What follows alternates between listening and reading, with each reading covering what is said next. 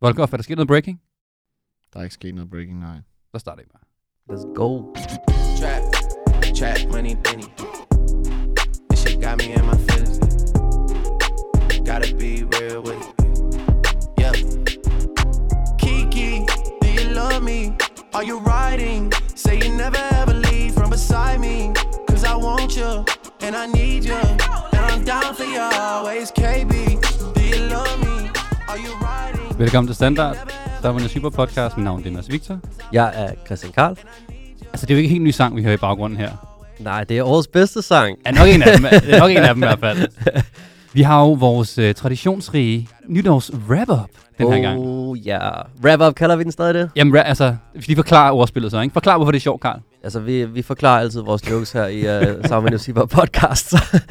wrap-up, fordi det er rap, og det er Rapping, Så ikke? det er rap, wrap-up, ikke? Ja, men vi skal, vi skal selvfølgelig snakke om årets bedste sang, både internationalt og i Danmark. Årets bedste album. Og fordi det har været sådan et hæftigt år, ikke? Så har vi årets bedste musikredaktør Årets bedste musikredaktør. med i studiet. Christian Volkov, velkommen til. Tak, det er lang tid siden. Jeg... Ja, det er lidt tid siden. Ja, altså, vi har spurgt tid nogle siden. gange. Altså, det er jo ikke, fordi vi... Nej, det synes jeg ikke. Altså, Jo, kan du ikke huske den gang der, der hvor vi spurgte, og så sagde der var du... den der gang, Ja, hvor at ja. didn't get the Og du var der ikke lige, og ja... Du kommer i hvert fald til de vigtigste podcasts, Ja, ikke? Dem, hvor der okay. virkelig skal... Altså, nu skal der virkelig gives nogle præmier ud til sangene her. Mm. Men vi skal selvfølgelig igennem årets album, Ja. Årets sang, Jo. og så, altså man kan næsten sige, at 2018 har været beef-året over alle, ikke? Så vi skal selvfølgelig også omkring årets beef. Jeg føler, vi har teaset, at vi vil lave en beef-episode, ikke? Ja, det er det lidt det her. Så det får vi i hvert fald en halv beef-episode til sidst. Mig og Carl beefer altid lidt, men nu handler det også om beefs med andre folk. ja, beef er ved at overtage hele podcasten. Øh, og jeg må sige, at vi har et springfuldt program i dag. Det vil sige, at Hip Hop Date, som er den anden gode ordspilsting, udgår denne gang. Men Ej. vi har en masse ting. Altså, der er også stadig updates for nogle af beefsene, ikke? Fordi vil sige... Det er jo en hip-hop-date, som strækker sig over 12 måneder, faktisk. Det er det faktisk lidt, ja. Ja. Og man kan sige, at vores hip-hop date til sidste mange gange har basically bare været, hvad kan I have lavet den her uge? Så øh, der er også nok update på, på den beef den her gang.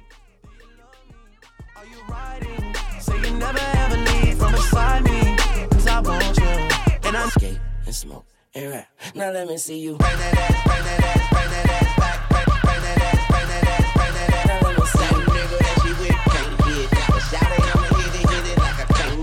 Now let me see you. Jeg synes næsten, vi skal, vi skal starte i Danmark, ikke? Ja, lad os lige gøre det. Vi skal selvfølgelig over til store kategorier øh, omkring de største sange, men måske en lille update på de mest spillede sange i Danmark kunne være sjovt at starte med, ikke?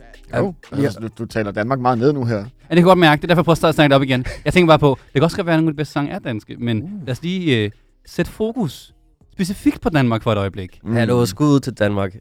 Ja, ja. jeg er glad for, at du siger, som halv tysker, Karl, så er jeg glad for, at du siger det. Jeg er jo slet ikke dansker, faktisk, men uh, skud ud til Danmark alligevel. altså, de mest afspillede sange i Danmark. Er det, er det der, vi er? Ja, det tænker jeg. Altså, jeg, det starter, nummer et er en rap-sang, eller er det overhovedet det, ikke? Jo, Altså, Ah. den, bro med Ja. Sydpå er den, er den største sang i Danmark. Så ikke så meget skud til Danmark alligevel. Skud til Paradise, altså. Skud til Paradise. Altså, jeg tænker lidt... Øh, altså, det er jo ikke en helt børnevenlig sang, men det er lidt til børn, er det ikke det? Jo, lad os, det, er, det er jo sådan en rigtig metasang, ikke? Ja. Den kan forstås på mange måder. Ja. Og det er jo, det er jo kendetegnet ved stor kunst, ikke? Lad os hurtigt gå videre. Altså, de, de næste pladser, der er vi, der er vi lidt mere på, på hjemmebane. Ja. Gilly, langsom, ligger nummer to. Ja. Vi skal nok starte bagfra, ikke? Der havde vi lidt mere sådan bygge Ja, ja, Det havde været... Det havde Jeg, klart jeg, godt. dør spænding over på femtepladsen nu. Bare vent. Efter reklamepausen, der afslører vi femtepladsen. Nej, nummer tre er, øh, er, er Casey. Kom over. ja, Og man kan sige, endnu et år, hvor, hvor Casey og Gilly har altså smadret det danske hitliste, må man sige. Fuldstændig. Det er ret sindssygt, at det, at det kan blive ved, ikke? Og jeg tror, vi snakkede om sidste år, om, om det også vil være sammen næste år, og jeg tror, vi sagde, ja, det er det nok. Og det er ret vildt, at det stadig er det. Ja. Og, og godt forudset også. Godt Ja. forudset. Altså, endnu en gang, så havde vi helt korrekt spået, hvad der ville ske. Mest korrekt, mest korrekt. Hvad, hvad siger du, Volkov? Kommer der også næste år, Gilly og Casey? Fortsætter det? Jamen, jeg kan simpelthen ikke se, hvad der skal ske for at bremse det her tog, altså. Det kører bare. VOC Fuck album, Expressen. men øh, altså, Det er for sindssygt. Nummer 4 her, der er vi uden for Danmark. Der er vi Drake med God's Plan. Og det er måske ikke den største overraskelse. Nej. Måske overraskelse, at den det ikke er ligger måske højere. lidt over, altså, det er sådan, der har været mange store Drake-sange i år, ikke? Der Ja. er jo God's Plan, og der er Nice for What, og der er In My Feelings, ikke? Ja.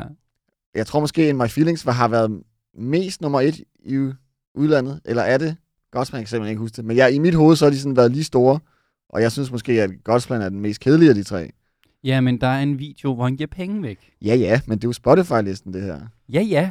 Men så bliver man ligesom greb... Så bliver du grebet, og så hver gang du hører sangen, så genfortæller Så du bare den du på, smukke visuelle historie i hovedet bagefter. Kunne det være, det er mig, der fik penge? Det er, hvad du tænker. Og så Mm. nummer 5, det er øh, Fugle, som vi også har spillet øh, øh, for noget tid siden faktisk, øh, med et nummer, der hedder Strapped. Og sige, det er også, jeg tror, det er svært at øh, have misset det track i år. Ikke? Mm. Øhm, men generelt, altså, man kan sige, at Fugle falder måske mere inden for sådan noget urban ting, men, men klart en, en hip-hop-inspireret liste i år. Altså, der er basically kun hip-hop urban her. Der er ikke noget, der minder om rock, lad os sige det sådan. Nej, Det kan godt, vi- held, vi- heldigvis. Vi har jo nok lige, vi bevares, vi har måske lige nogle live-trummer, der skal nok være noget guitar, ja. ja. men vi har ikke en rock-sang. Ja, skud til rock. Ikke så meget skud. ja, men også fedt med meget dansk. Altså, jeg, jeg synes, det, det ser ikke helt dårligt ud. Nej, hvad, hvad tror vi næste år? Er det lige så meget hip-hop? Ja, Ja. det tror jeg. Det fortsætter. 100 procent. Lad os lige kigge tilbage så. Spotify laver de her rapped, hvor du kan se, ligesom vi laver rap-up, så laver Spotify deres rapped. Har de stjålet jeres? Eller Jeg er tænker det? lidt, der er noget der, ikke? Der er, jeg ved ikke helt om, øh, hvem, hvem der var først der, og det er hønen og ægget og sådan noget, ikke? Men de laver det her wrap-ups hver år, man kan se, hvad man har hørt mest det her år. Og jeg tænker måske, det er et sjovt. Jeg vil gerne lægge ud. For det er Mm. mm. lidt personligt, altså sådan, øh, at, at, sige, hvad man... Altså, man deler ikke på Facebook måske den her liste. Øh, og jeg er også bange for altid hvert år, at så kommer mit eget nummer op. Og sådan, det jeg har hørt mest i år, er selv. Så den, den kan jeg ikke dele. Heldigvis var det ikke det. Men jeg vil gerne dele her, hvad jeg har... Hvad en af tingene, den hæver frem for mig, og så kan I måske dele nogle af jeres. Er det okay? Og lo- lover du, at det er 100% sandheden, det du fortæller nu? Ja. Uh, Ej, men det kommer ikke stor overraskelse. Øhm, der er en i år, hvor den siger, at øh, hvad, den, øh, altså, hvad den mest overlap i de kunstnere, du hører, stjernetegn. Mm. Det var rimelig skørt. Men det var så Skorpion for mig. Og de to Uh. kunstnere, der har det, som jeg hører mest, det er så Drake og French Montana.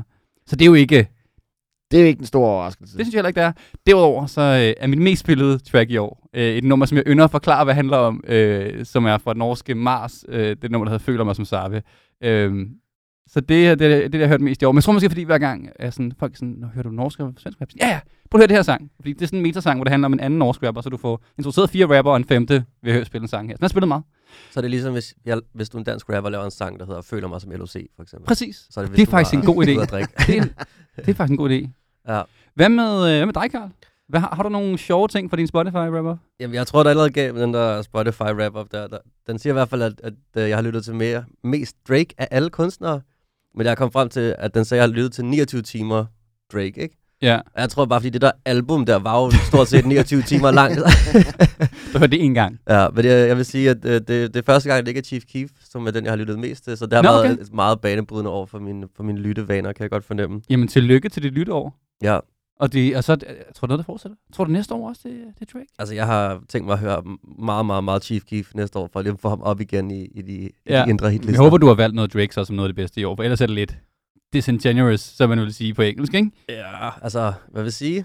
Måske den sang, vi gik ind på i dag, var min yndlingssang for i år. Du skal ikke... Uh, Spoiler. Jeg kommer til at ødelægge al, Ja, ja, al tension i ja, den her program. Så starter vi nummer et, og så starter vi nummer fem til sidst. Og jeg min mest... Ja, ja, det er fint. Hvad med dig, Volker? Jamen, øh, det er ekstremt, hvis nu også bare jeg skal være helt ærlig, så er det ekstremt øh, uhiphop og, u- og usejt. Men jeg har, jeg har sådan, en, en, sådan et, et nummer med regnlyde, som jeg altid øh, hører. Er det for at jeg- er det for at inspirere dig til at få mere drip? Rain, Lad os bare sige det. Hvis, hvis, man, hvis, man har lidt, øh, hvis man har sådan lidt tendens til lidt tinnitus og sådan noget, fordi man har hørt for meget høj musik i sit liv, så er også nogle regndrupper rigtig gode at ligge og sove. Så det er altså et nummer, de er sådan lavet til at blive loopet. Så det er et nummer med regnlyd fra regnskoven, som varer to og et halvt minut, som jeg altså har hørt et sted mellem 6 og 8 timer hver nat hele året. Ikke? Så det var sjovt nok nummer et på min årsliste. Og det for, der, der, der er måske også lidt øh, der, fordi når Sammen jo laver deres liste over bedste tracks i år, så er det så er Volkov ind og sige, det der regntrack. det, det, det skal altså- Skarp 17. plads. altså ham manden, der laver det her regnværsmusik, han burde lige sende dig nogle procenter, hvis du ville lidt køre det igennem hver nat. Altså, han får rig på det her. royalties.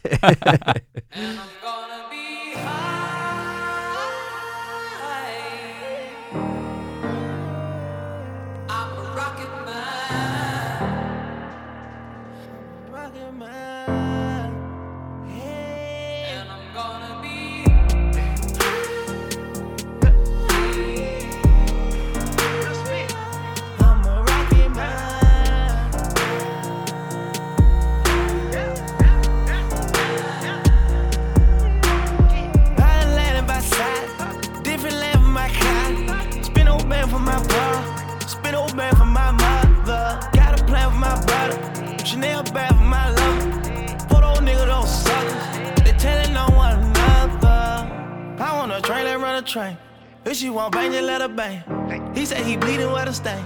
My bitch at the top of food chains. They local, I don't even know the name. i been fresh since a kid, ain't never played. I just picked up a back in Rotterdam. I'ma whip out the Mac and pop your brain. I do what I want and shout it can't. I do what I feel and shout it can't. I'm digging, I digging, shout it lane. And all of the bitches say they did.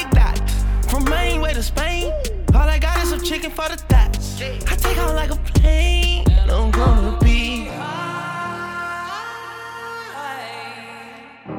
Her var det selvfølgelig Young Thug sammen med Elton John på nummeret High. Og grunden til, at vi spiller det, det er fordi, det er det nummer, du har valgt til at være dit yndlingstrack, eller det bedste track for i år. Hip-hop track. Jeg har en bred smag i modsætning til jer. Nu kommer oh. hen, skal jeg kun, skal jeg kun vælge hiphop. Hvad er det så der? Hvad er det for noget? Det er rigtigt. Og Det er sådan, sandheden. hvorfor er det ikke kommer ind så tit? Derfor kommer det ikke så ind så tit. Er det sådan flere sange med sådan værbaserede fænomener? Vi like uh, Evidence uh, Weatherman LP er dit yndlings. Make it rain. Nej, hvorfor har du valgt det track her? Ja, men altså, jeg kunne måske også godt, øh, jeg kunne også godt have valgt en Drake-sang, jeg skulle også godt have valgt en Pusha T-sang, men det var også lige lidt i året, hvor der var sådan lidt, øh, hvor at sådan øh, hip-hop og sådan mærkelige rock-sange eller pop-sange fusionerede. Vi havde øh, Juice WRLD Lucid Dream, som jo er øh, inkorporerer Sting, ikke? Og så var der et, øh, et super genialt Kendrick Lamar aha mashup, som, som vi fandt på SoundCloud, og som blev læst næsten øh, ja, mange gange inde på sitet, fordi folk ja. var så fucking vilde med det. Og så var der jo Young Thug, som fandt ud af, at han havde en åndsfælde i Elton John. Ja.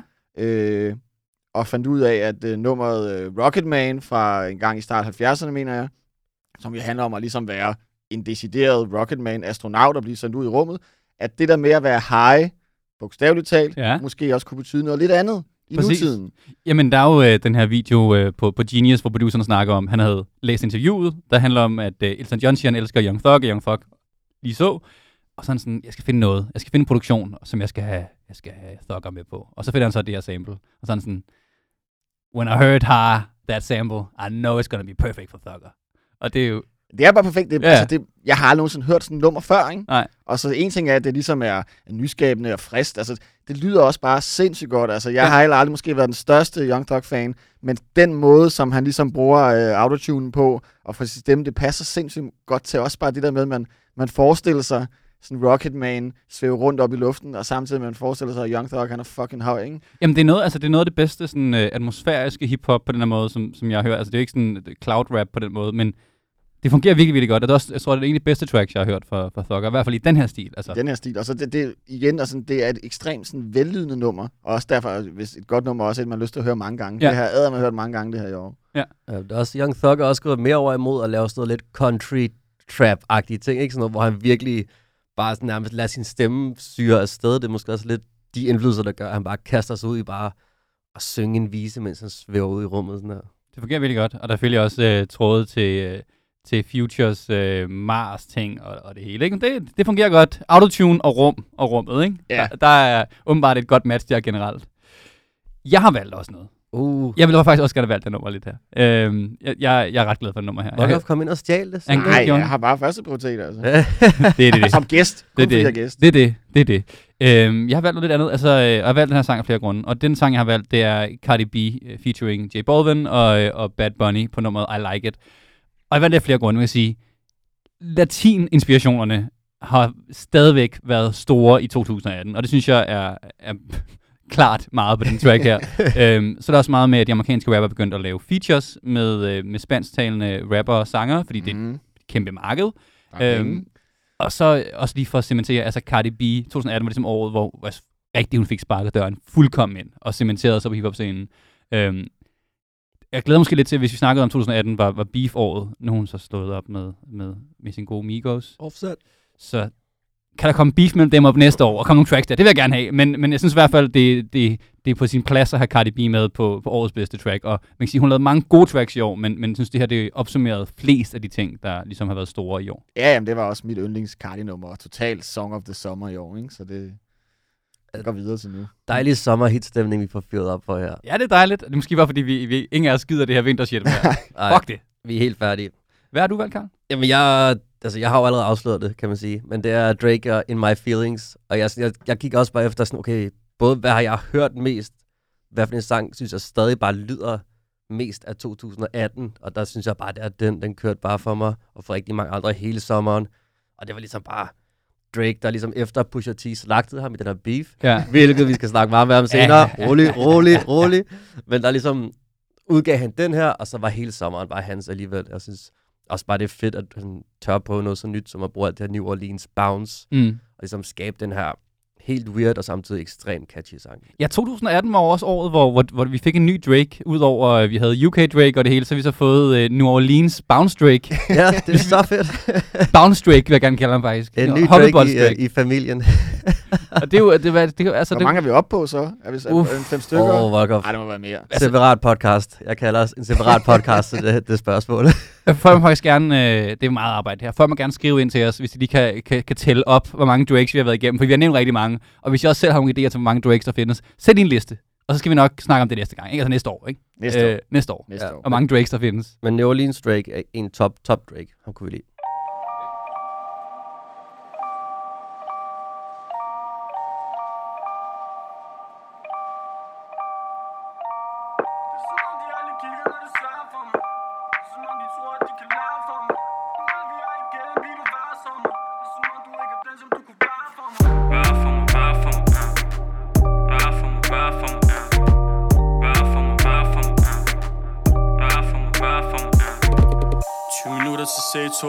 Hovedbanen Vi skulle rigtig til Nørreport, der kom råd i planen.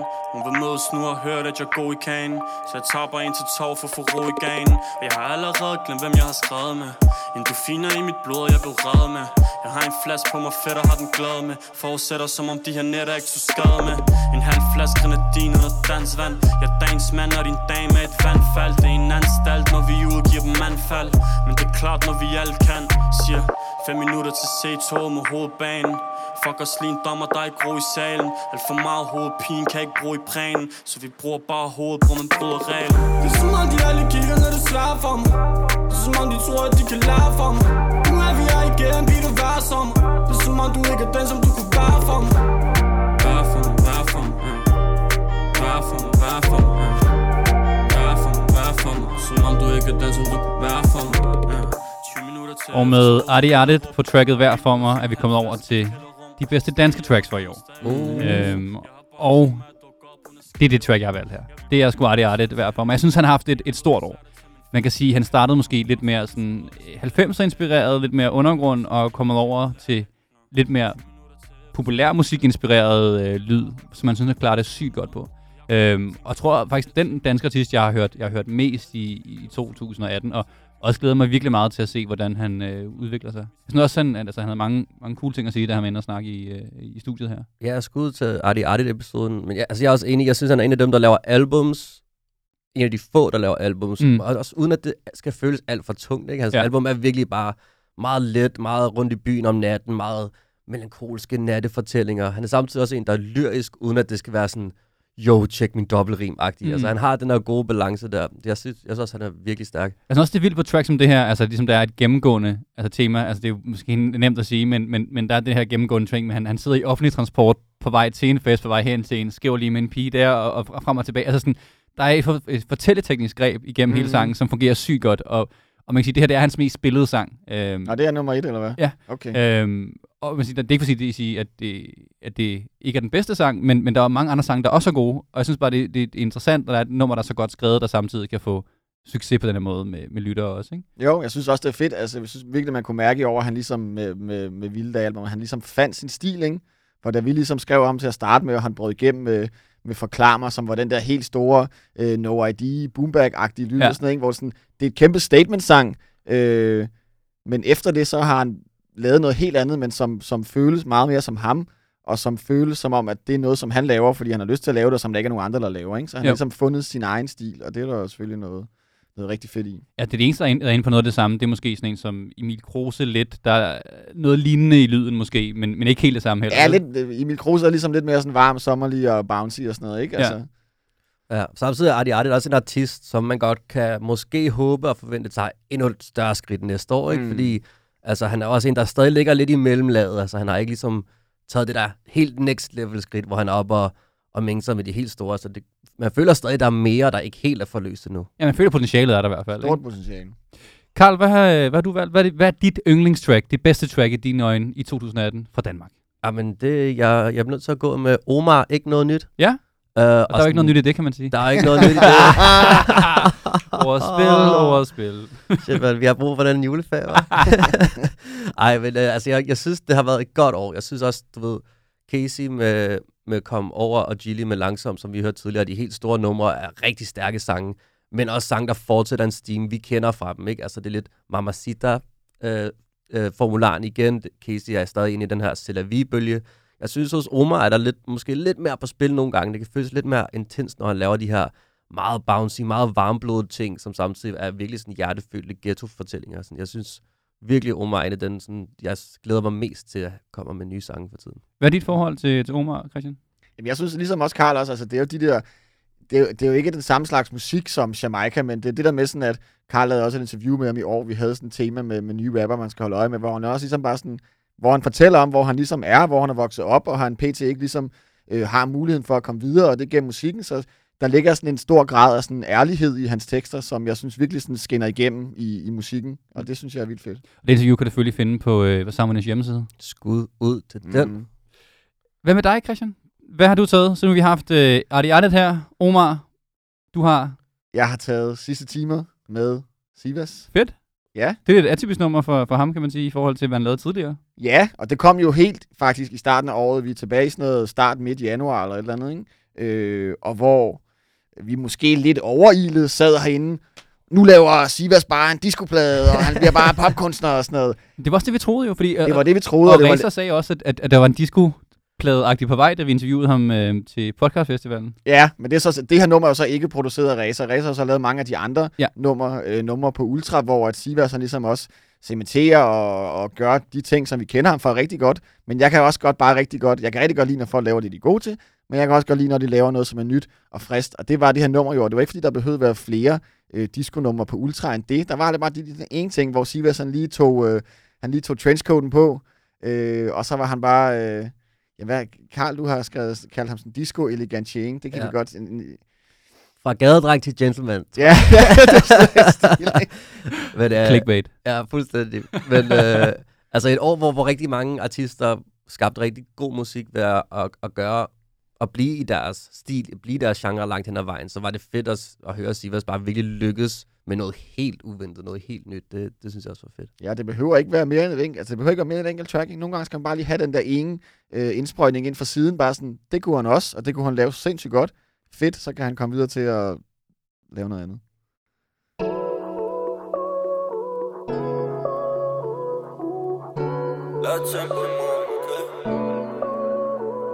Øh. Jeg prøver bare at sige, du skal blive. Du kan tage en dreng med mig lige. Ryge en jul med mig lige. Mener bare, du kan bare føle fri Lad være at på din veninde. Lige nu er hun bare en af mine. Skriv bare slå af lad være ring med Tænk hvis hele den skulle endelig oh, Ah, ja. oh no. Lad os nu de sidste timer sammen, ja, ja Hvem ved med i morgen? Jeg er sikker væk, når du vågner. Lad os nu de sidste timer sammen, ja,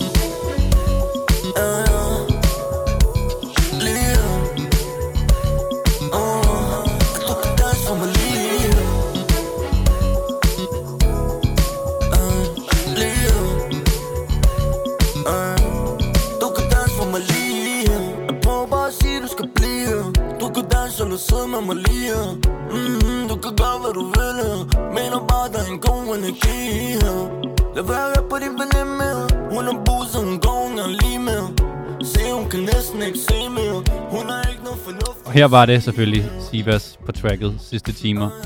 Før vi kommer videre til at snakke om de andre fede ting i 2018, det vil sige bedste album. Uh, Oh, ah, bedste beef. Jeg ved ikke, hvordan, hvordan, hvordan man siger det. Best, mest interessante beef i 2018. hæftigste bøffer. Så skal vi lige forbi vores øh, sponsor Spotify. Og som vi altid siger, I følger... Nu er, det, nu har vi sagt nogle gange. Nu må I følge vores playlist på Spotify. Ikke? Nu, nu må det ske. Og det, det, det gør I selvfølgelig, fordi det er et sted, hvor vi har alle de bedste tracks, øh, som vi spiller i programmet, og generelt også tracks, som vi synes er fede inden for hiphop og urban-genren. Men der er mange andre playlists på Spotify. Der er blandt andet en, der hedder øh, DK Rap, der har fokus på ny dansk hiphop. Og Karl, du har været inde og grave frem Jeg har gravet i frem, selv buffeten og fundet et track frem, du vil fremhæve den her uge. altså i den her tag selv buffet af udelukkende ekstremt delikate retter, har jeg fundet et slice af rigtig dejlig hiphop musik. Perfekt, perfekt. okay, okay. Kan du mærke, nu, Ja, nu, nu er vi gang. Nu, nu er vi i gang. Det er Kimbo og Casey. Uh, Kimbo featuring Casey med sangen 100. Og hvem er det nu Kimbo er? Fordi han er også med i BOC, men han har ikke hørt så meget fra ham. Han havde et track tidligere i år, men Kimbo, the long lost, forgotten son of øh, uh, BOC. Altså, han har været med fra start af. Altså, han er nogle af de første sange med Gilly. Er ligesom en integreret del af, af BOC-crewet, som tæller selvfølgelig Casey, Gilly, Benny Jams. Han har først, ja, som du sagde, udgivet nogle sange lidt løbende her på det seneste, men nu er altså også kommet med en EP, hvor, hvor et af højdepunkterne er den her sang 100, der også har Casey med, og som viser sådan, at det, som Kimbo kan nok er at bringe en eller anden form for melodisk, lidt sådan lidt skæv, øh, sådan lidt melankolsk autotune ind i det, sådan en, en egen lyd. Jeg synes, det er et super spændende track. han er, han, han, øh, han BOC sådan chinks. Åh, oh, det var lige en, en lille perle til de, til de ægte, Ja, til de ægte heads, chinks, skud chinks. det må man selv afgøre. Du kan både finde både øh, øh, Kimbo featuring Casey på 100, og også Chinks på Spotify. Øh, det kan du tjekke ud i playlisten øh, DK Rap, hvor du kan lytte til alt den musik, du elsker, ganske gratis. Pulling up in that new toy, the wrist on that boy, rock star like Pink Floyd, waving at rude boy. I'm waving at you, boy. Ran off on the plug too, like True Goy. Imagine me, do boy. You could never do what I do, boy. Still ducking shit that I did, boy. Niggas in Paris for hit, boy. These ain't the same type of hits, boy. Shit can get litter than lit, boy. You don't take these type of risks, boy. Cause this boy been throwing that D like rich, boy. You miss, boy. Your numbers don't add up on the blow. That was 10 years ago. If you know, you know. Yeah. If you know, you know. If you know, you know. This thing of ours, oh, this thing of ours. Her fraternity of drug dealers ringing off. I just happen to be alumni. Too legit, they still looking at me with one eye. The company I keep is not corporate enough. Child rebel soldier, you ain't orphan enough. A rapper turned trapper can morph into us, but a trapper turned rapper can morph into puff. Dance contest for the smokers. I predict snow Al Roker. If you know, you know. I only ever looked up to Sosa. You all get a bird. This nigga Oprah. Her var det Pusha T på åbningstracket på hans øh, plade Daytona. Nummeret hedder selvfølgelig If You Know, You Know. Og grund til, at jeg spiller det, Det er det, du ved. det er fordi, jeg ved, at du har valgt det her som årets album. I dine øjne. Årets bedste udenlandske hiphop-album. Ja, Ja, altså det kan jo ikke være andet. Altså, det synes jeg heller ikke. Men det er det, Ah. I er nogle rigtig old heads, ja. Ja, der har været mange, der har været mange gode album. Altså, det har måske ikke været sådan et... Øh, jeg ved ikke, om det har været sådan en kæmpe blockbuster om. Der har også været mange fede nye debutanter. Og... Men når... Men det sjovt, at altså, altså Kanye også godt. Der er mange, der er kommet, men, men der er bare ikke noget, der har været altså, lige så overraskende og godt som det her. Nej. Jeg ved ikke, om det er overraskende. Når, når Pusha udgiver plader, så forventer man altid... Altså, han er jo en, en, en rapper, hvor man altid... Det er altid, altid solidt. Det er altid... Øh, Bundniveauet er højt. bundniveauet er altid sindssygt højt. Men så har man ligesom bare en plade med syv numre her, hvor bundniveauet er ekstremt højt. Hvor der ikke er noget bundniveau, der er kun topniveau. Kan man sige det? Ja, altså, Ja. Men det er jo også, altså, når, der kun er syv numre, så må der også blive, blive, blive skåret nogle ting fra, ikke?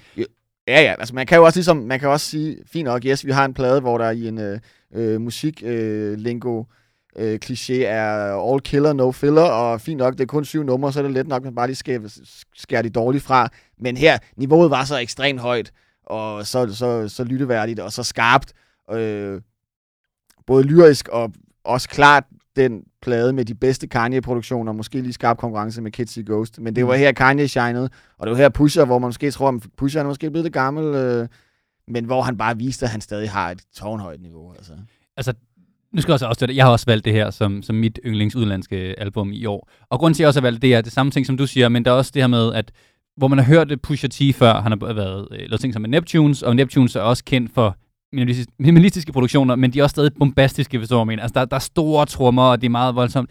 Den her plade, den er, altså, produktionen er simpelthen så skrabet på den måde. Mm. Og jeg synes, det fungerer så godt med, at han er jo ligesom the grand old man. Han er den første, største coke-rapper på en eller anden måde, ikke? Drug dealer-rapper. Og så de her helt, du ved, skrabede, gritty produktioner, de står bare så godt sammen med hans, øh, hans stemme. Og det, de bliver, Helt klart, det mindede mig ligesom lidt, jeg kan ikke huske, hvornår den er fra, jeg er rimelig sikker på, at det kan, der også produceret Numbers on the Boards, ikke? Ja. hvor produktionen lige er lidt mere skæv, end Ja. hvad den er på Daytona, men det var lidt den samme vibe, men det bare var minimalistisk og gritty, og pusher i topform, ikke? Jo.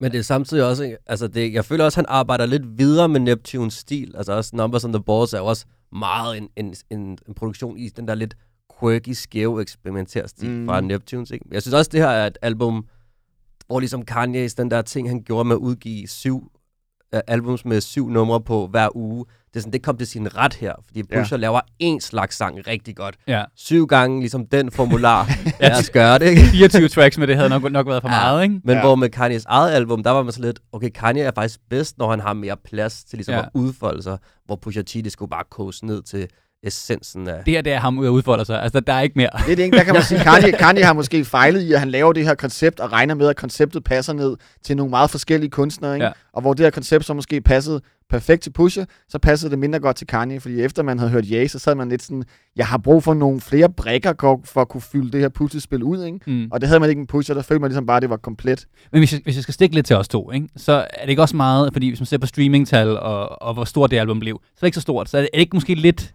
et uh, rapperens rapper-album, eller rapperens yndlingsrapper-album, eller anmeldernes album, det her. Det kan godt være, men jeg, altså, jeg vil meget hellere høre, så kan man så sige, jeg vil hellere høre Daytona nok gange til, at det er lige med Scorpions fulde spilletid, og så høre numrene igen, end at høre Scorpion fra start til slut. Det er rigtigt. Og så er vi allerede i gang med, med, med Drake. det er sådan bare... Ved du, Pusha har også været ude og kritisere faktisk uh, Drakes lange album. Ikke? Han er sådan lidt, bare gør det som mig. Syv helt perfekte sange. Ikke alt det der streaming, gaming, lange al- albums for at få ekstra mange streams. Ja, vi nævner jo uh, Drake her. Det er blandt andet fordi, at sidste track på, på, på pladen her, uh, der hedder Infrared, er der, hvor Drake og Pusha beefen, beefen virkelig bliver sat ind til high gear, ikke? Altså, og det er der ligesom, at de, de hårde diss tracks begynder at, ja, at komme, ikke? op der. Øh, men synes vi tager den senere måske. Ja. Øhm, Ja. men Der det, kommer det, er en meget mere pointe, i- beef. det er en point i sig selv, øh, hvad Infrared gjorde ved, ved, ved, ved måske Good Music og, og, og Drake-beefen. Volkov og jeg har så valgt samme album, så jeg, jeg, jeg springer mig selv over her. Øh, Karl, hvad har du valgt som bedste album her? Jamen, det er nok ret meget det modsatte af, af Pusha T, fordi sådan, hvor, hvor Pusha T ligesom er så godt, fordi han har en formular, han har kogt ned til sin essens, så har jeg valgt XXX Tentation med Ja. albumet Spørgsmålstegn. altså, det er jo et album, Jeg troede, det var en som... fejl i, jeg skrev det her. Ja, du var sådan, hvad hedder Hvad albumet? hedder albumet? Nej, men altså, det er jo et album, som, ligesom, hvor Pusha T inkarnerer altså perfektion af en klassisk stil, så er det her ligesom meget mere en, en stil, Rodebutik. der springer sig selv i luften. rodebutik eller geniale strøtanker, det er jo, hvad man vil høre, men det- altså, det er en rodebutik, det er rigtigt nok, det, det stikker i vildt mange forskellige retninger. Men grunden til, at jeg har valgt det som ligesom albummet, som jeg synes er det bedste, men også albummet, der definerede året, var, at han er, blev ligesom en af verdens største rapper i år, og nok den mest toneangivende overhovedet. Og det her er ligesom albummet, hvor han tager det, hele den her SoundCloud-rap genre og bare smadrer den ved at lave musik i 100 forskellige retninger. Ligesom at virkelig at presse grænserne på sin musik i alle mulige sider. Blandt andet øh, til pop-sangen, altså til kæmpe verdens pop-hit som sangen Sad. Altså, kan man snakke om, at øh, hvis man snakker om skældsættende albums inden for hiphoppen i historien, så har vi som 808 Heartbreaks, som sat helt den stil, vi har nu i gang med SoundCloud Rap. Er vi inde noget af det samme her? Er der nogle, øh, er der nogle ting i den, som vi siger, vi ser nogle år frem her, så vi ser tilbage på øh, spørgsmålstegn-albummet fra Akatek Sensation? Er det, starter det nogle ting, som vi kommer til at se år, øh, årene fremover? Jeg tror, vi kommer til at, at, at finde ud af det de næste år, fordi jeg, jeg tror rigtig mange af dem, der lytter til X, er også ekstremt unge. Ja. Så jeg tror ligesom, den næste generation måske kommer til at, at være mere præget af det. Altså på en måde er det mere også et, et slutpunkt, fordi den ligesom den lukker ideen om SoundCloud rap som den der sammenhængende lyd.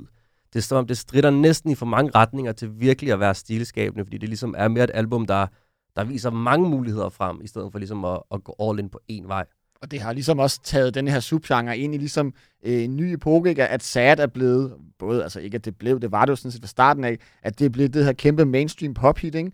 Og det er jo ligesom der, hvor SoundCloud Rap bevæger sig hen nu, og er, altså alt, alt har en ende, og jeg tvivler også, også jeg tror sgu ikke, der er særlig mange, der vil have et helt album med, med Look at Me-kopier, mm. eller et eller andet, ikke? Folk vil nu have, nu vil de have sad ting, så hvis endelig, at det her album skal betyde noget for de kommende år, så tror jeg, vi vil se, der er nogen, der vil prøve at gøre den her lyd rigtig kommerciel, ikke? Altså, sådan, altså den der, du ved, meget emo-rap. meget emo-rappet, Ja. men stadigvæk også, altså sådan, øh, jeg vil ikke sige beskidte, men ikke sådan ikke finpoleret. Mm. Det, er ikke, det er ikke kørt gennem maskinen, som Ariana Grande er. Altså.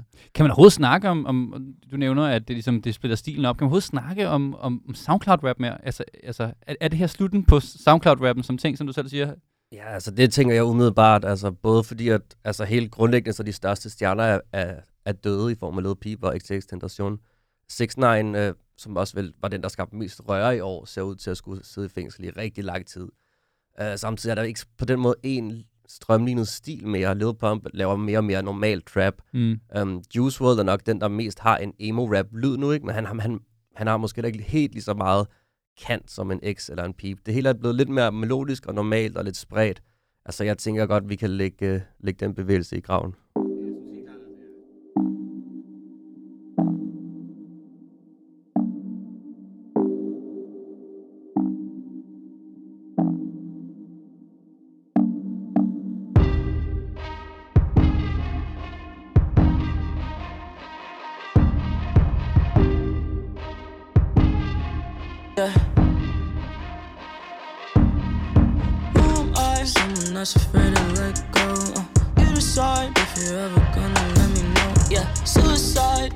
If you ever try to let go. Uh, I'm sad, I know, yeah. I'm sad, I know, yeah. Who am I? Someone that's afraid to let go. Uh, you decide if you're ever gonna let me know. Yeah, suicide if you ever try to let go. Uh, I'm sad, I know, yeah. I'm sad, I know, yeah. I gave her everything. She took my heart and left me lonely. I think broken hearts contagious. I won't fix, I'd rather weep. I'm lost and I'm found, but it's torture being in love. I love when you're around, but I fucking hate when you leave. I'm not afraid to let go. You decide if you're ever gonna let me know. Yeah, suicide if you ever try to let go. Uh, I'm sad, I know, yeah. I'm sad, I know, yeah. Who am I? Someone that's afraid to let go. Uh, you decide if you're ever gonna let me know. Yeah, suicide if you ever try to let go. Uh, I'm sad, I know, yeah. XXX Tentation med Sad. Ja. Fra det lidt deprimerende track, skal vi over til noget, som jeg tror, øh, mange folk finder underholdende. Øh, hvis der er en ting, som har fået mange folk ind på hiphop, tror jeg, altså, som enkelt ting, så er det ikke en enkelt artist, så er det generelt, når artister har beef mm. med hinanden. Ikke? Altså, det er altid sjovt. No place like hip-hop. Altså. Ja, ej, så skal man analysere det. Ej, han sagde, han sagde det til ham, og hun svarede det tilbage, og sådan noget. Det bliver altid interessant. Så vi har her året i beef, ikke? 2018 er, må være beef-året. Så længe jeg overhovedet kan huske. Ja, det, det er sindssygt, ikke? Det er helt vildt, og sådan, hver gang, at en beef har været ved at dø lidt ud, så er der altid kommet et eller andet ting igen. Og der var en, der var sådan en fucking dunk benzin, der var en og så kører vi bare videre. Hvad, Volkov, hvad har du valgt som, som den store beef i år? Der er mange at vælge imellem. Der er mange at vælge imellem. Det er jo faktisk lidt mig, der har de- delegeret? Jeg, tildelt. altså, jeg har lidt sådan, det er faktisk jeres julegave i år. vi får hver sin beef, som vi kan få lov til at, så få lov til at pakke ud her live i podcasten. Men altså, Volker, Om tusind tak, Karl. ja, men altså, jeg er julemand herovre. Men Volker, altså, jeg, du var nødt til at få Kanye. Du er jo kendt som, som redaktionens Kanye superfan, OG Kanye head. At du har svært ved at sidde, du har svært, du har svært ved at sidde i stolen lige nu, for der er backpack på. Ja. Du har den der, og lyserød polo. Ja, du har faktisk Ja. en Make America Great Again kasket på lige Ja. nu. No, no, no pictures, no pictures. Men altså, nu har vi jo Kanye med i, i, i beef her. Det er fordi, at Kanye han har beef med mig, fordi jeg synes, han er en idiot. Kanye han har jo beef med mange, ikke? og et eller andet sted, så det, jo, det har jo, i år har jo været Kanye mod alle andre. ikke? Altså sådan, der, der var måske lige nogle enkelte, som øh, tog øh, hans parti i starten, da han ligesom begyndte. Der var sådan en enkelt øh, Chance the Rapper tweet, som meget hurtigt blev taget ned igen, fordi at han fandt ud af, at det skulle han ikke. Og Kanye har jo bare gjort sig uvenner med alle. Han har gjort sig uvenner med alle inden for miljøet. Han har gjort sig øh, uvenner med jamen, altså, alle de sorte vælgere i USA, øh, som ikke støtter Donald Trump, hvilket jeg tror er ret mange. Øh, og han har gjort sig uvenner med, jamen, med Drake, og jeg tror måske, ham og, ham og, jeg har en idé om, at ham og Kim stadigvæk er gode venner. Ja, Øh, og, det håber jeg. og jeg tror måske, at ham og, ham og Travis Scott skulle vist også lige have blevet gode venner nu, efter at Travis Scott havde lagt track til, at øh, Drake kunne komme med nogle subdisses og sådan noget, ikke? Jo. Øhm, men det har været et ekstremt vildt år at følge Kanye, altså, og jeg tror også, Karl har stundet, at han ville, øh, kaste mig sådan en lille curveball med, at i starten af året, så skrev jeg en artikel, hvor lige hvor Kanye var vendt, vendt tilbage til Twitter, så skrev jeg en artikel med, at fuck, hvor var det fedt at have Kanye tilbage på Twitter. Ja, jeg tror, jeg har nævnt den mange gange. Hver gang Kanye gjort noget dumt, så er jeg sådan, Nå, Volkov, hvordan synes du den der artikel? Øh, hvordan, var, hvordan har du og det med normalt ville nu? det være nu, og jeg så skulle, age? jeg skulle tage min røde kasket og æde den med noget barbecue sauce eller et eller andet. Ja.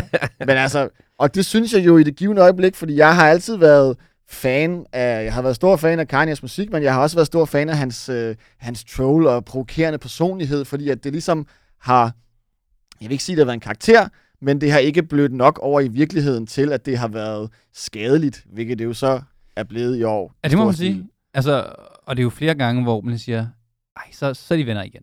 Så er han venner med X-person eller generelle befolkning i USA, og så er de sådan, "Nå, nu tweeter noget nyt. Ja. Fuldstændig. Og man kan sige, øh, det skrev Sammenvendens hjemmeside om her forleden dag. Øh, jeg ved ikke, om det er jer, der skrev det. Jeg, jeg så ikke, min byline var. Men omkring, at nu er Kanye ude efter Drake igen. Øhm, og det var også en, en af de store beef, som Kanye har Ja, haft det i har været en af de store ting, ja. De musikalske beefs i hvert fald. I hvert fald ikke?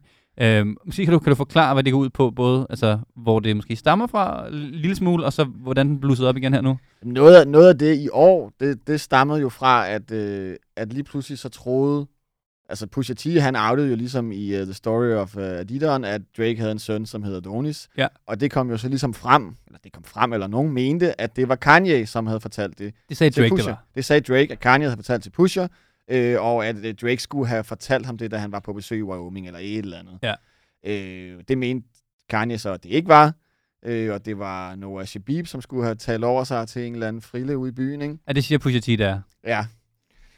Frem og tilbage, ikke? Og hvem skal, man, sådan- og hvem skal jap, man tro på? jap, Og man sidder ligesom bare med de her superstjerner, som, som sviner hinanden til på Twitter. Der er jo ikke noget faktuelt i det. Vi ved jo aldrig nogensinde, hvem der taler sandt, medmindre der kommer et eller andet uomtvisteligt bevis, ikke? Ja, og så var Kanye sur over, at øh, der gik et rygte om, at, øh, at øh, Drake havde været sammen med hans kone for mange år siden. Ja, mente, at det var hende, der var Kiki, ikke? Fra In Nej, My Feelings. ja, det det har han var- i hvert fald været ude at være bange for. Ja, det, var, Ja. det var der folk, der ligesom sagde, det var, og så blev Kanye sur over, at Drake ikke afviste nok. Ah. øhm, altså, ja. Men jeg tror, det der, det der sådan kendetegner Kanye i 2018, er ligesom, der er det her, vi snakker om nu, som er hans virkelig smålige celebrity beefs. Men det er så blandet ind i hans politiske engagement, som er sådan meget mere reelt, altså det der med, at han går ind og støtter Trump. Det er så igen blandet ind i, at han virkelig prøver at være fortaler for tolerance mod folk med mentale problemer. Så det er sådan en sindssyg cocktail, hvor det hele er filtreret sammen. Altså det ene sekund, det er så han Travis Scott, men så pludselig siger han, hvis nogen svarer ham, siger han, du angriber folk med mentale problemer, og så tweeter han om hans drageenergi, som han deler med Trump det næste. Så det er virkelig svært at finde hoved og hale i det her. Ja, det, Ja, nu virker det så heldigvis som om, at hele Trump-tingen ligesom er nogenlunde lagt på hylden, ikke? Jo. Og man havde, man havde ligesom i starten, da han, da han begyndte på det der, så begyndte jeg selvfølgelig at få rigtig dårlig smag over min, i smag i munden over min artikel. Ikke? Det var lidt ligesom sådan en snebold, som trillede ned ad et bjerg, som bare blev større og større og større, indtil at den... Og så kom der det her øjeblik, hvor Kanye han tweetede, at øh, jeg kan ikke huske den præcise ordlyd med, at han følte, at han var blevet ført bag lyset, og han var blevet brugt til at promovere nogle politiske budskaber, som han ikke kunne stå indenfor. Så nu vil han trække sig fra politik og fokusere på at lave musik. ja, og det er jeg glad for, at han gør. Ja, så langt så godt, ikke? Men det er også sindssygt, altså, jeg tror alle sammen, vi, vi er Kanye-fans, på et eller andet niveau, ikke? Hvis der kommer et godt album næste år, ikke?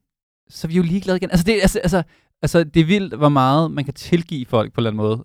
Øh, og, det, og det virker som om, at de fleste folk er sådan, nå ja, hvis han laver godt album igen, sådan, "Ej, men det er ham, der har lavet det track. Der. Ja, sådan så bliver det sådan lidt, nu Ja. jeg en gammel reference ind. The ikke? Forgiven, not forgotten, ikke? Jo, men, men det er også bare sådan, at han er bare den skøre onkel. Sådan, ja, ja, altså, han siger nogle racistiske ting og sådan noget. Men det er okay, fordi han er også han er en del af familien, ikke? Det er det der med, hvor meget man tror på, hvad ham og Kim, de ligesom siger i medierne. Og Kim, hun var øh, gæst i, øh, hos Ellen DeGeneres, hvor hun ligesom bare siger, jamen, øh, Kanye, han har nogle holdninger, og han kan overhovedet ikke finde ud af at udtrykke dem, og det prøver jeg at hjælpe ham lidt med, og det går ikke så godt, for han har ikke så meget filter, så I skal bare lige tage lidt med ro i forhold til, hvad det er, han siger, ikke? Det er stupid.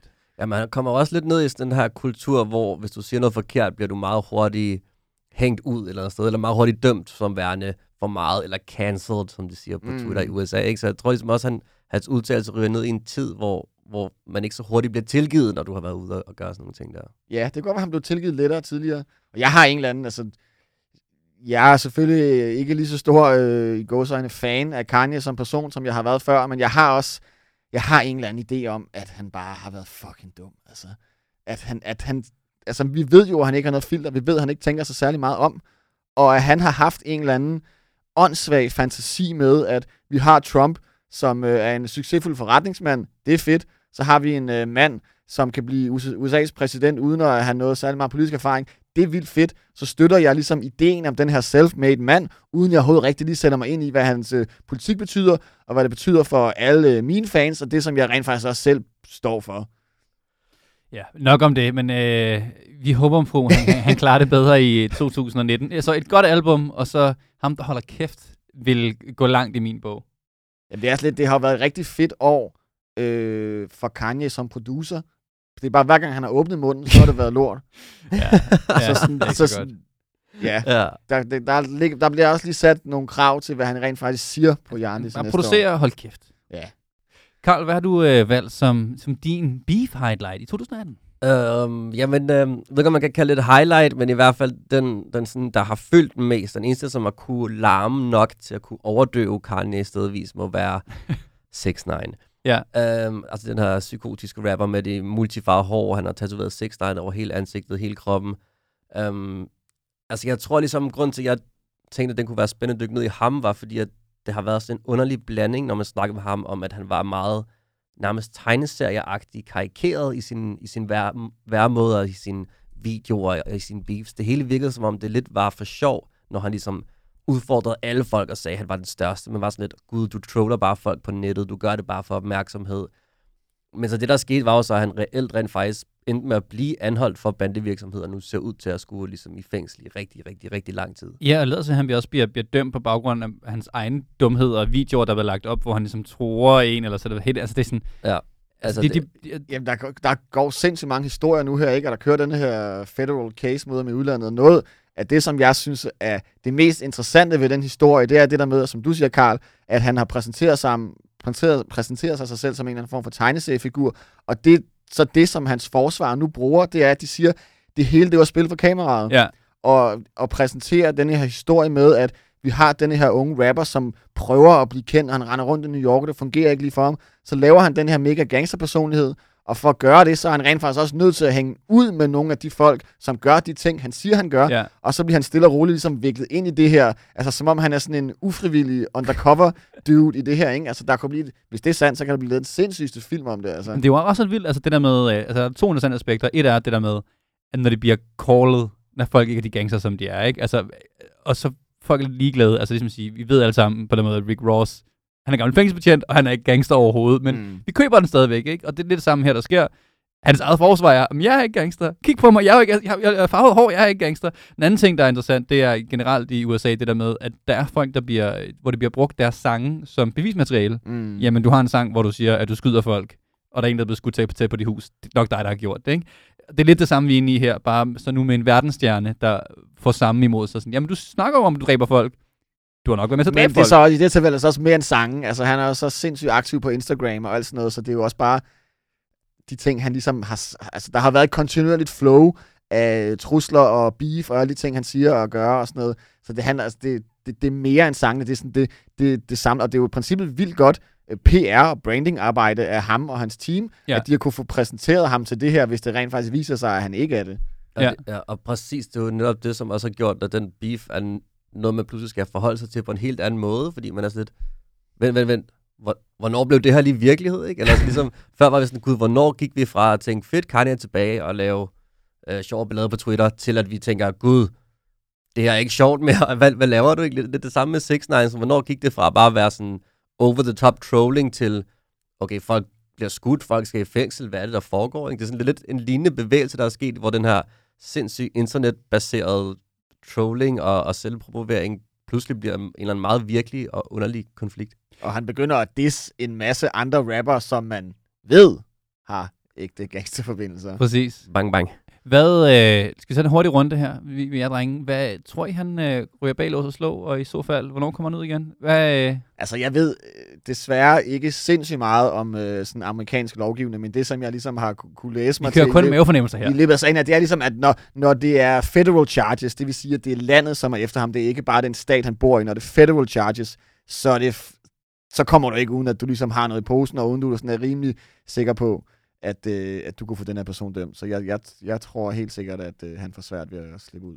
Ja. Hvad med dig, Karl? Ja, men jeg tror det også, jeg læste også nogle tal med, at ligesom, når det er de her federal charges, så har de en eller anden procentsats af folk, der bliver dømt, der, at ud af de anklager, som er sådan helt astronomisk høj, altså over 90 procent. Så, så det ser sort ud, og ligesom tit, så hører man jo også om, at de tror med de her livstidsstraffe for så ligesom at lave den her aftale, men så vidt jeg kan se, ser det ud som om, at, at Six Nine rent faktisk har tænkt sig at, at gå i retten med det her. Sådan, det ved jeg ikke, det ser meget sort ud, og han kan jo heller ikke engang komme ud på prøveløsladelse. Det er han, han også blevet nægtet, så uanset hvad, skal han sidde til næste efterår. Altså, det er sådan meget, meget seriøse ting, det her. Det er en øh, virkelig abrupt ende på, på, en, på en karriere, der var ved at, ved at stikke af, ikke?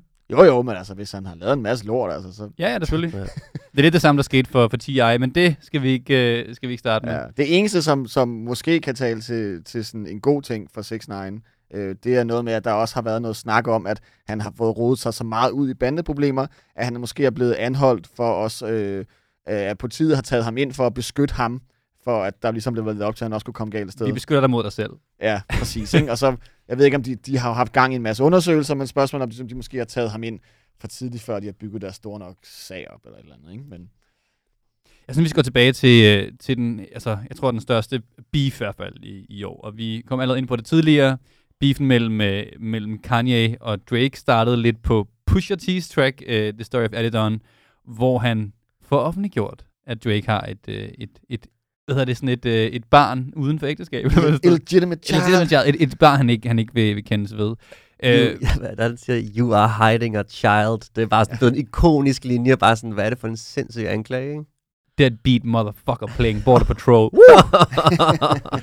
hvad skal du rap hele sangen? Er det nu? Det, det, det kan jeg faktisk godt, tror jeg. Men øh, det, det vil, jeg, vil, jeg, vil jeg spare jer for. Jeg tror, det er interessant at se her, det er, at efter mange år, hvor både Drake og Pusha har lavet sneak disses, som man siger det, altså diss på tracks, hvor man lige laver en linje, som godt kunne passe på flere forskellige rapper, men hvis man kender historikken, jamen, så er det nok til Pusha, eller så er det nok til Kanye. Efter mange år med det, fordi at Pusha har haft det svært med øh, hele Birdman, Lil Wayne-lejren, på grund af, at det gik i samme tøj. Tilbage i dagen, ikke? Selvfølgelig er det startet over noget så alvorligt Ja. som en hættetrøje. Ja, så det, det er der, hvor Pusha T-beefen beefen starter fra, helt tilbage med den lejr, øh, for mange, mange år siden.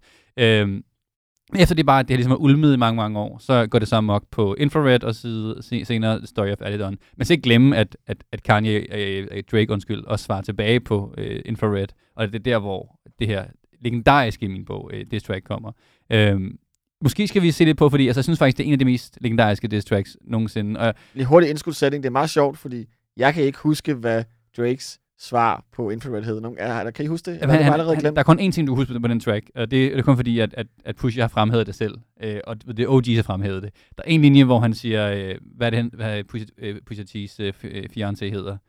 Uh, Virginia Williams. Virginia Williams. Um, Dra- Drake har en linje, hvor han siger, noget, øh, say my name again, I'm gonna ring, I'm gonna ring it on you. Let it ring on you, like Virginia ja, så det er Williams, sådan noget, ja. både ring, skyde et eller andet, men også et ordspil. Øhm, folk siger i gangstermiljøet, det siger Pusha T selv, så snart du nævner folks damer, eller forældre, eller noget, så er, så er gloves coming off, ikke? Altså, så, så, så går det hårdt. Øh, og hele den her ting, han ligesom afslører, at han har et illegitimate child, og at han driller ham med hans bedste venner ved at dø, og, og alle ting. Han siger, at det er kun fordi, han nævnte, han nævnte, nævnte hans uh, fiancé på en linje. Ja. Øhm, Jeg tror, den hed Dobby Freestyle, men det var kun Ja. fordi, jeg, lige slået op. jeg slog det op forleden, fordi jeg faktisk havde glemt det. Jeg skulle, jeg skulle Ja, beskrive rigtigt, det, så jeg, jeg havde også fuldstændig glemt det. Og sådan, jeg tror, da den Det- det, kom, var man sådan, okay, det er faktisk et ret fedt track. ja. Ja, ja, det var sådan, Drake går relativt øh, Ja. hårdt ind. Bare sådan, okay. Dobby er sådan noget, øh, sådan noget slang for, for ghost, ikke? Ja, lad os ikke snakke om ja. Ja. den sang. Den er glemt. Der er ikke nogen, der kan huske den sang. øhm, men det virker som om, at det er ligesom mange år øh, beef, der det kulminerer her, og for at opriste, så ender det så med, at øh, Drake ikke svarer tilbage. Og i stedet for at vælge at gå- øh, gå i interviews og gå på Twitter og, og sneak det igen, ikke? eller direkte sige, ved du hvad, det er også bare fordi, du hørte det fra ham der, nu hader jeg alle sammen, og sådan. Men vælger han ikke også lidt at lave den der sådan, du går over stregen, vi stopper her. Jo, præcis. Når han det er så fordig med, at han har den der øh, multiple sclerose eller sådan noget. Ikke? Ja. At sådan, det er for meget. Nu, Ja. går du, nu går du over grænsen, og det er jo, det er jo sådan... Det er jo, øh, altså, hvad skal man sige, et retorisk øh, værktøj eller våben at sige sådan, Jamen, det er jo interessant nemlig, fordi at hvis du tænker på sådan en generelt battle rap, øh, hvor jeg kommer fra i tilbage- gamle dage, altså der er jo ikke noget, der er over grænsen. mm, Altså, der, altså alting, Du havde taget ham. nej, nej, men det er bare sådan, bare sådan, sådan alting er op for grabs, og så er det op til din egen, altså, er, er alting virkelig op for grabs? mere eller mindre.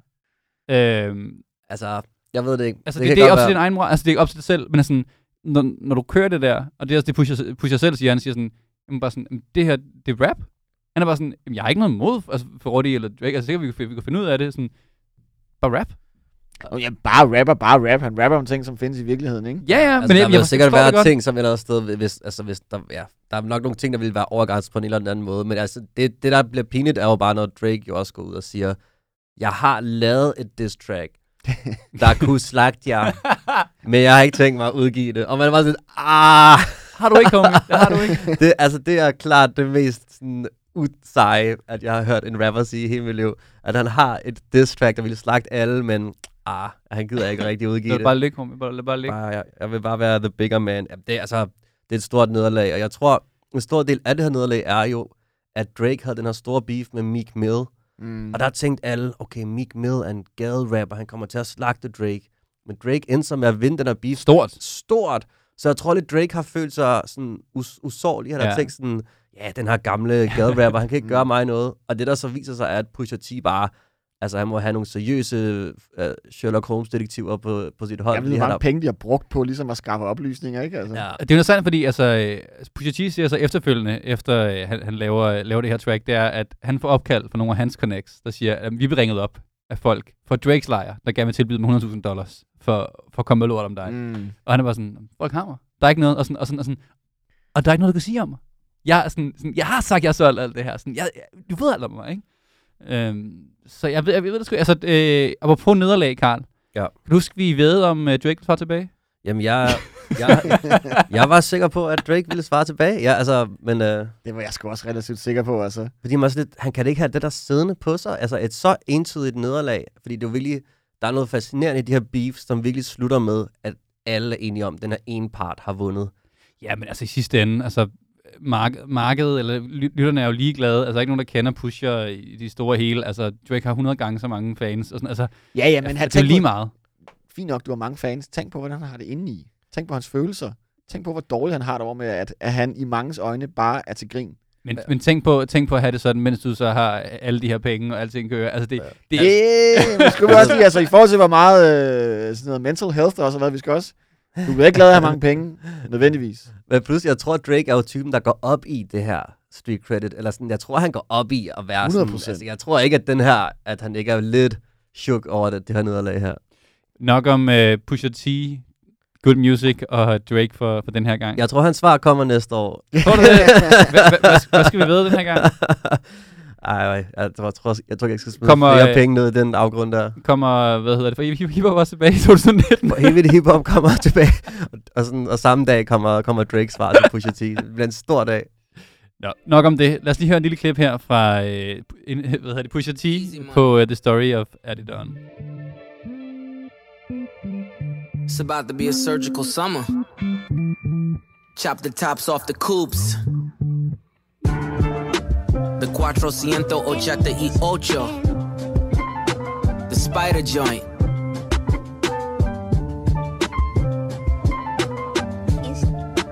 And you know we gotta cut the heads off these snakes, right? Watch the body drop.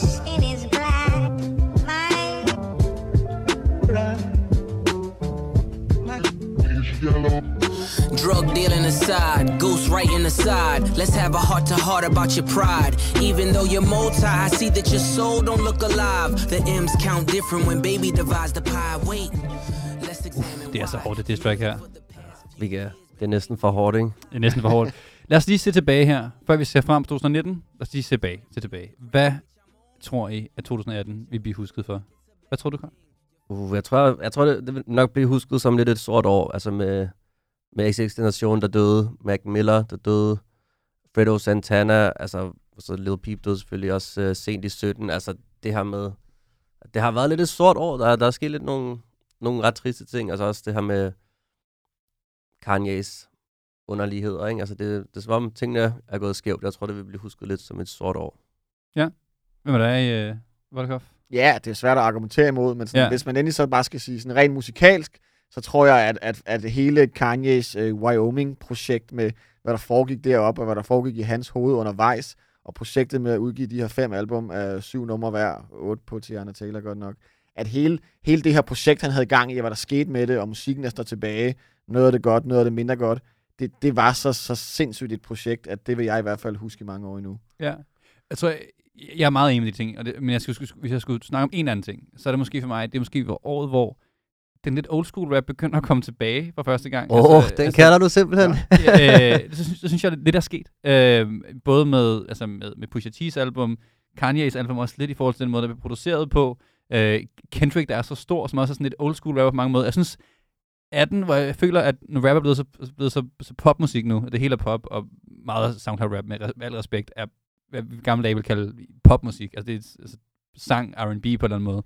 Ikke noget galt med det, men det føles som om, at der kommer pushback den anden vej nu, hvor du har nogle af de her øh, folk, eller øh, altså man kan sige, man mener om vil om Logic, men det er også en rimelig backpacker shit. Øh, Mm. Og der, jeg føler, der kommer et pushback nu, hvor det faktisk er cool nok igen. Altså Pusha T gør det cool at have 90'er øh, chopped beats, mens man lægger om kokain. Altså sådan, jeg føler, der, der, det er måske året 2018, hvor, hvor den bølge starter lidt igen, og jeg ved ikke, om det kommer til at gå over i 2019. Ja, det gør det helt sikkert, Mads. Jamen, tager jeg helt fejl her, eller er det bare mig, der... Øh... Øh, det ved jeg sgu ikke lige, man lagt så meget mærke til. Altså. Altså, det kan, selvfølgelig, der er noget, der er noget rigtigt, i, at, at hvis du laver noget helt klassisk stilrent rap som Pusha T, så er der stadig rigtig mange, der, der føler det rigtig meget. ikke? Og der er ting som, altså der er stadig et stort marked for det, eller andet sted, ikke? Joey Badass også, men om, om det, jeg føler måske ikke, at det er en, en større renaissance. Jeg føler måske stadig lidt, det er de samme folk, der sådan altid har kunne lide sådan hiphop, som det var i 90'erne, de har det stadig sådan. Fair nok, fair nok. Flere forskellige meninger. Så er der nogen, der kan lide Logic og Joyner Lucas og sådan noget. Ikke? De skal nok Ja, ja. være der. Men jeg føler bare, altså, jeg føler bare, det kommer lidt mere i år, men det er så øh, nok med det argument. Hvad glæder jeg til øh, i det nye år? Altså, udover Drakes uh, diss track mod Pusha T. Præcis. Og jeg glæder mig til, at vi skal til, til Rødovre, til VB Hip Hop, og skal vi bare høre den hele vejen i toget derud. Skal vi høre øh, Drakes øh, svar tilbage? tager vi til Hafni og Sue bagefter. og det er bare... det bliver sygt. Uh, jeg tror, jeg, jeg glæder mig sgu egentlig bare lidt til at få lukket det her år ned. Altså, jeg, jeg er blevet træt af alle de her Kanye West går amok historier, 6 9 fuck up, kommer i fængsel, rappers, der dør. Jeg, jeg sådan føler, at vi har brug for en ny, frisk start. Som du sagde, Summer of Love, det vil også mit, mit ønske til næste år. Volle, hvad siger du? Ja, du, øh, du er meget store armbevægelser, nu, så nu går jeg lige sådan lidt ned, ned i skala. Øh, og jeg siger, jeg glæder mig til øh, det næste, og måske det sidste Charlie Gambino-album. Og jeg har aldrig nogensinde været Charlie Gambino-fan. Du har været med Øh, på bølgen? Ja, Jeg har været day one. jamen det, det, er jo ikke, det er jo ikke en god ting. Jo, det er. Det er en dårlig ting. Nej, for Camp er godt album. Ej, ej, nej, Mads, det stopper Skal vi tage den her? Så, vi, vi, Nej, nej, nej, vi har nej. teaset den her. Vi har teaset den her i et år nu. Næste år kommer der en. Childish Gambino-episode. Men der kom den sang og den video, der hed This is America, som var jo var fuldstændig sindssyg. Det er ikke årets bedste sang eller sådan noget. Jeg har ikke, jeg har ikke hørt den 100 gange. Men det var ekstremt interessant. Både det, han gjorde musikalsk, øh, atletmæssigt, og det, som han ligesom prøvede at, at vise med sangen, og måde, som han ville sige noget om det at være sort i USA i dag. Det er der selvfølgelig også mange andre, der gør. Det gør Kendrick også og sådan noget. Men han gjorde det virkelig på en ny og, hvad skal man sige, mere øh, grafisk måde.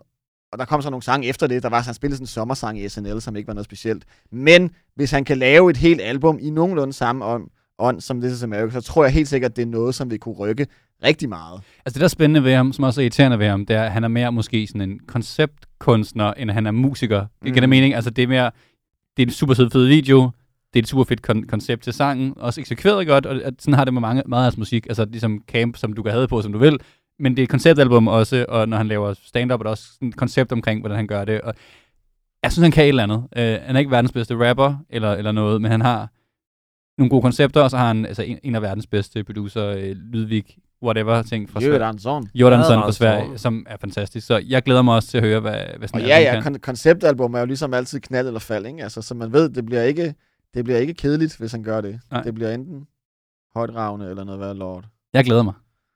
Jeg, øh, jeg glæder mig lidt til at se, hvad, hvad der sker med Kanye næste år. ja, Jamen, det gør jeg faktisk også. Det gør jeg, altså, ja, ja, det, musikalsk, det, er jo altid spændende. Det er det, jeg glæder mig til. Altså, man kan også gå, gå stort som Karl og sige, hvad, hvad de store musikalske strømninger. Det er svært ved at, ved at spå. Altså, jeg kunne godt lidt... Du har lige spået lyrisk rap, kommer tilbage. det synes jeg allerede, det, det, det er sådan lidt... Altså, ja, lidt, det tror jeg godt, det kunne være mere push den vej. Øhm, I hvert fald, måske er det genre, vi splittet op i to igen. I don't know. Der kommer til at ske et eller andet i hvert fald. Øhm, Men ja, altså hvad, hvad der sker med Kanye, synes jeg bliver interessant. Øh, fordi han er pissedygtig og pisseirriterende. Tror du, han kan lave comeback? Eller sådan artistisk set, ligesom komme tilbage ind i varmen? Og... Jeg synes, sidste album var kedeligt. Øh, det, var fint. Altså det var sådan lidt, ja, okay.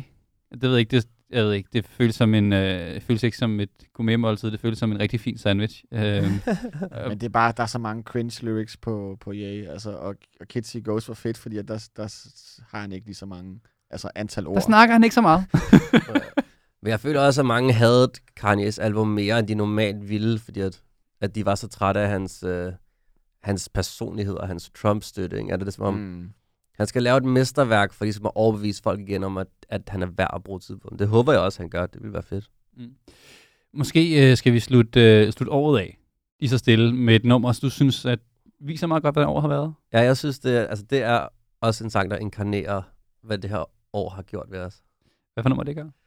Det er en banger, der hedder Lift Yourself, også kendt som Poopity Scoop-sangen, som ligesom var Kanye, der troller os alle sammen. Så han vil udgive en sang, men så udgiver bare et soul sample med bruttelyde. Det, som gør sangen ekstra spændende, er, at vi jo nu har fundet ud af, at han har lovet det her beat væk til Drake. Det, det siger Drake, ja. Altså, Dr- Drake, Og så Drake tror, det er hans beat, og så en dag, så har Kanye bare ligget det, og bare sagt bruttelyde hen over det hele. Altså, sådan var 2018. Det inkarnerer Altså, hvis- 2018. hvis det Ja. er rigtigt, ikke, så er det det vildeste det, der nogensinde er blevet lavet. Hey homie, jeg er en af verdens bedste producer. Legendary in this game. Jeg tager, tager det her beat. Poopity scoop poop. Altså, det, vi, sådan, vi troede bare, at Kanye trollede hele verden. I virkeligheden trollede han måske bare Drake, man ved det ikke. Men i hvert fald, jeg føler lidt, at vi alle sammen blev trollet af, af 2018. What they don't really realize though, this next verse, this next verse though, these bars. Watch this. Go.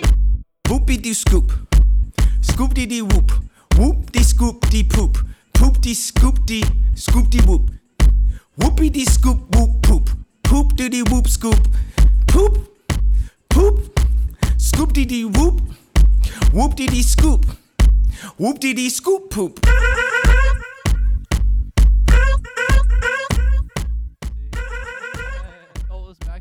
Er vi færdige med Standard Sammen Super Podcast for i år. Mit navn er som sagt Mads Victor. Med mig i studiet i dag har vi haft Christian Volkov.